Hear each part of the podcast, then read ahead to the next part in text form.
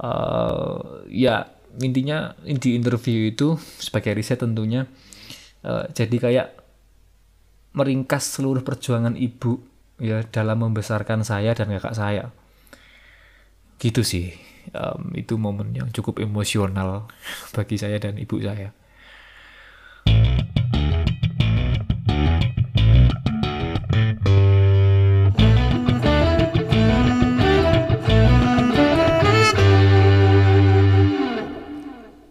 Selamat datang di entry view edisi pertama kali ini.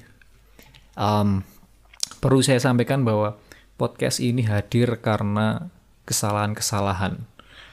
Uh, ini berawal ketika saya membuka sebuah sesi tanya jawab melalui feed Instagram saya tentang mini album pertama saya yaitu MS. Uh, di sana banyak teman-teman yang bertanya via komentar ya dan saya ngomong bakal menjawab menjawab itu di di YouTube dan tentu saja berupa video. Uh, lalu saya sudah take video ya dua kali itu konten yang sama dengan konsep yang berbeda dan dua-duanya gagal. Yang pertama karena editornya sangat sibuk dan saya coba edit sendiri ternyata saya nggak bisa. Dan yang kedua uh, banyak kesalahan yang terjadi di di teknistiknya dan saya juga merasa nggak pede pada akhirnya ketika saya melihat wajah saya sendiri di di Adobe Premiere ketika saya ngeditnya. Lalu saya memutuskan untuk membuat podcast ini. Ini pun saya merasa nggak pede dengan suara saya sendiri. Uh, mungkin karena pertama kali ya. Uh, tapi semoga dengan cara ngomong saya yang pelan ini bisa menimbulkan efek keintiman antara saya dan yang mendengarkan. Amin. Oke, uh, yang pertama ini saya coba. Oke, saya akan coba jawab pertanyaan-pertanyaannya. Yang pertama dari tiga orang langsung karena hampir mirip. Uh, pertama dari Jimo Eristo. Kenapa judul albumnya MS? Kenapa tidak MN atau titik titik titik tanda seru tanda seru? Juga dari Hilmi Freelanda kenapa tidak ibu, tapi jadi MS. Lalu dari RC underscore Ramadhani. Hashtag tanya MS. Kok bisa kepikiran judul MS mas? Soalnya jarang orang tahu arti kata dari MS. Nah, itu. Uh, saya mencoba untuk membawa budaya Jawa Timur. Karena MS itu berasal dari bahasa slang Jawa Timur yang berarti ibu. Uh, jadi niatnya itu untuk membawa identitas dan kebiasaan sehari-hari kami aja. Begitu sih niatnya. Kenapa memilih MS? Oke, pertanyaan kedua. Ini juga, ini dari dua orang yang hampir sama juga pertanyaannya.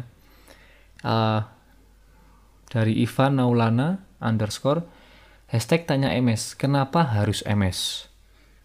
Lalu dari Aditya Darmawan underscore. Kenapa ibu? Apa arti seorang ibu di dalam karyanya Mas Endro? Oh, oke. Okay. Saya jawab. Uh, saya merasa bahwa setiap orang yang berkarya itu sesuai dengan apa yang sering difikirkannya. Uh, bisa sosial politik, bisa um, cinta atau macam-macam lah. Uh, dan bagi saya fokus yang sering terfikirkan adalah ibu. Jadi saya lebih gampang untuk menggali ide dan mendalami hal-hal tentang ibu. Uh, saya juga termasuk orang yang dekat dengan ibu. Begitu. Oke. Okay. Next dari Gabriel 308 Sena. MS itu emas ya? Hahaha. Uh, kalau menurut saya MS lebih dari sekedar emas. Next dari Lauma Dwi. Adakah makna khusus dari album MS? Dan alasan kenapa jadi pemusik gun? Anda eh hashtag tanya MS mana khusus? Uh, yang jelas ini untuk ibu saya secara khusus ya. Secara umum untuk orang siapa pun itu yang merasa relate dengan lagu-lagu di dalam mini album MS uh, eh, kalau untuk pertanyaan selanjutnya alasan kenapa jadi pemusik itu saya pikir bisa kita bahas di podcast selanjutnya. Oke. Selanjutnya dari Dila Hamida. K KH. Hami Ha Hamida. Oke. Dari beberapa lagu di album MS, mana yang menurut Bang Endro paling kena? Um, kalau saya pribadi, yang paling kena itu Madre. Entah kenapa saya sangat suka sekali lagu itu. Jadi Madre itu tentang kelahiran. Ya. Selanjutnya ada Umama tentang kehidupan masa kecil. Lalu ada Makuah ini tentang perpisahan pertama kali ya, ketika sang anak harus merantau meninggalkan rumah. Dan yang terakhir Maika tentang perpisahan karena maut. Tapi banyak orang itu lebih suka Maika daripada Madri dan ya, ya selera orang berbeda-beda. Next dari Raya Hayati. Hashtag tanya MS. Waktu bikin karya ini izin MS dulu nggak? Atau buat kejutan? Terus gimana responnya MS setelah karyanya jadi mas? Oke, jadi sebelum saya bikin lagu ini saya sempat interview ibu saya. Ya, sebagai bahan riset. Uh, karena saya butuh perspektif dari ibu. Uh, gimana sih rasanya ketika ngelahirin anak, terus ngerawat, terus pisah pas gede ya karena harus merantau. Uh, jadi ibu saya ya tahu kalau saya bakal bikin mini, mini album ini.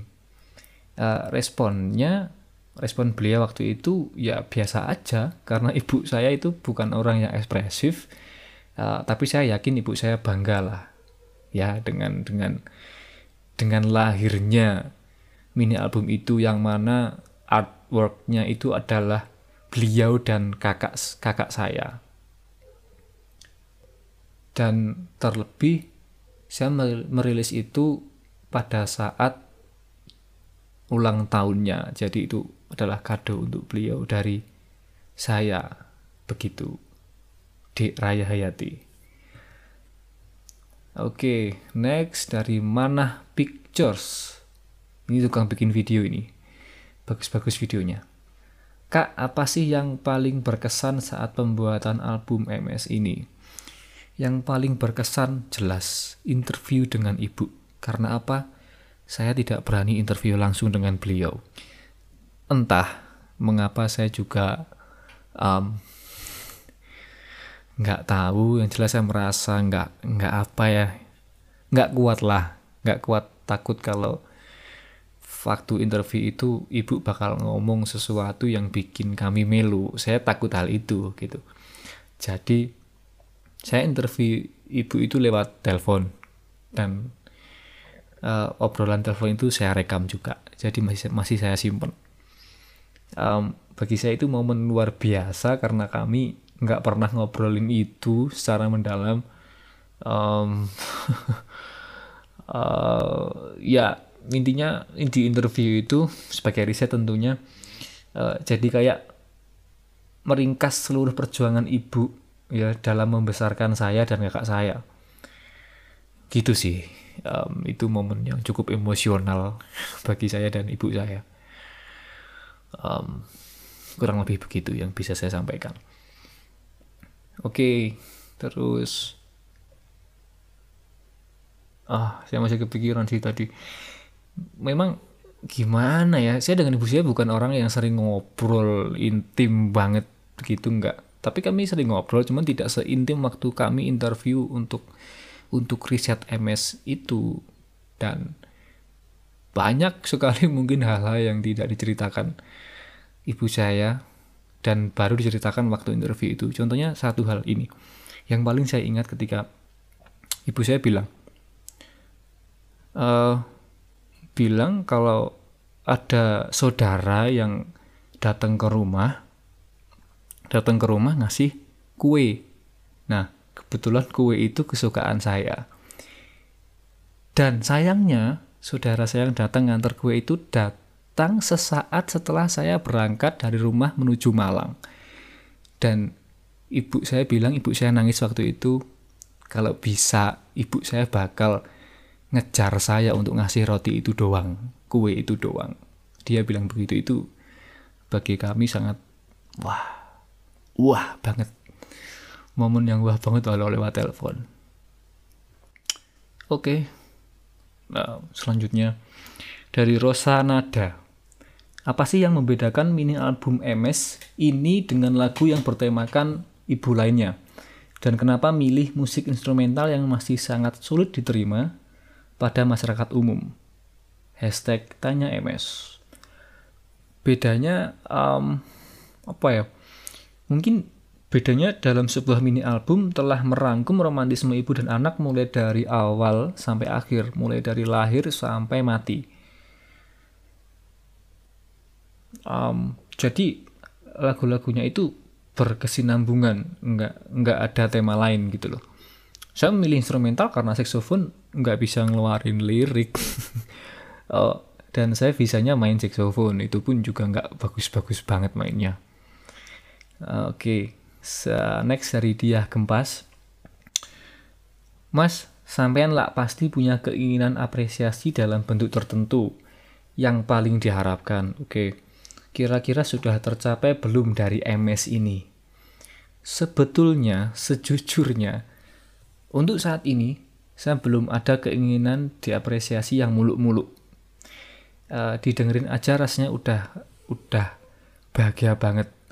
Apalagi ditambah uh, saran dan komentar ya, itu itu sangat menyenangkan sekali. Uh, ini untuk sekarang.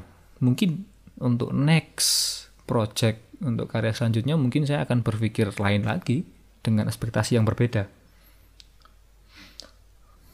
Oke, nah, setelah ini uh, pertanyaan terakhir dari Vivi Puspitat dengan D di akhir. Ada rencana bikin mini album Ebes? Um, sementara masih belum ya untuk Ebes Oke. Begitu uh, pertanyaan-pertanyaan yang sudah saya jawab dari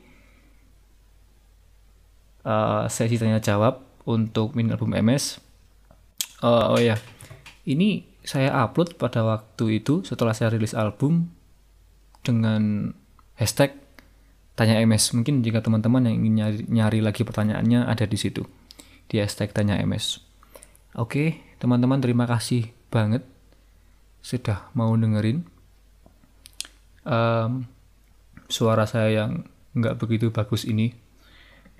Semoga saya bisa melahirkan podcast lagi dengan tema yang lebih berbobot atau lebih menarik tentunya. Um, sampai bertemu lagi. Terima kasih sedalam samudra. Salam.